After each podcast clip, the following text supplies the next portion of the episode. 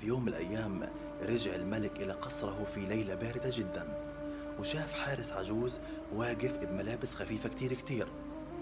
قرب منه الملك وسأله مش حاس بالبرد رد العجوز وقال له كتير كتير بردان وسقعان كتير.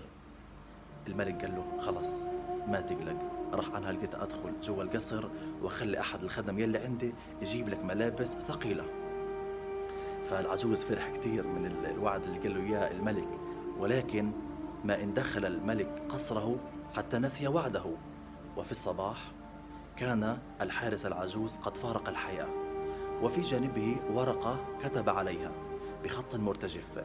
أيها الملك كنت أنام كل ليلة باردا صامدا ولكن وعدك لي بالملابس الدافئة أخذ مني قوتي وقتلني.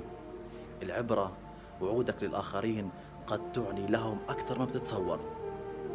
فأنت لا تدري ما تهدم بذلك فلا تخلف وعدا. نصيحة مني إذا أنت مش قد الوعد ما توعد. ولا اللقاء.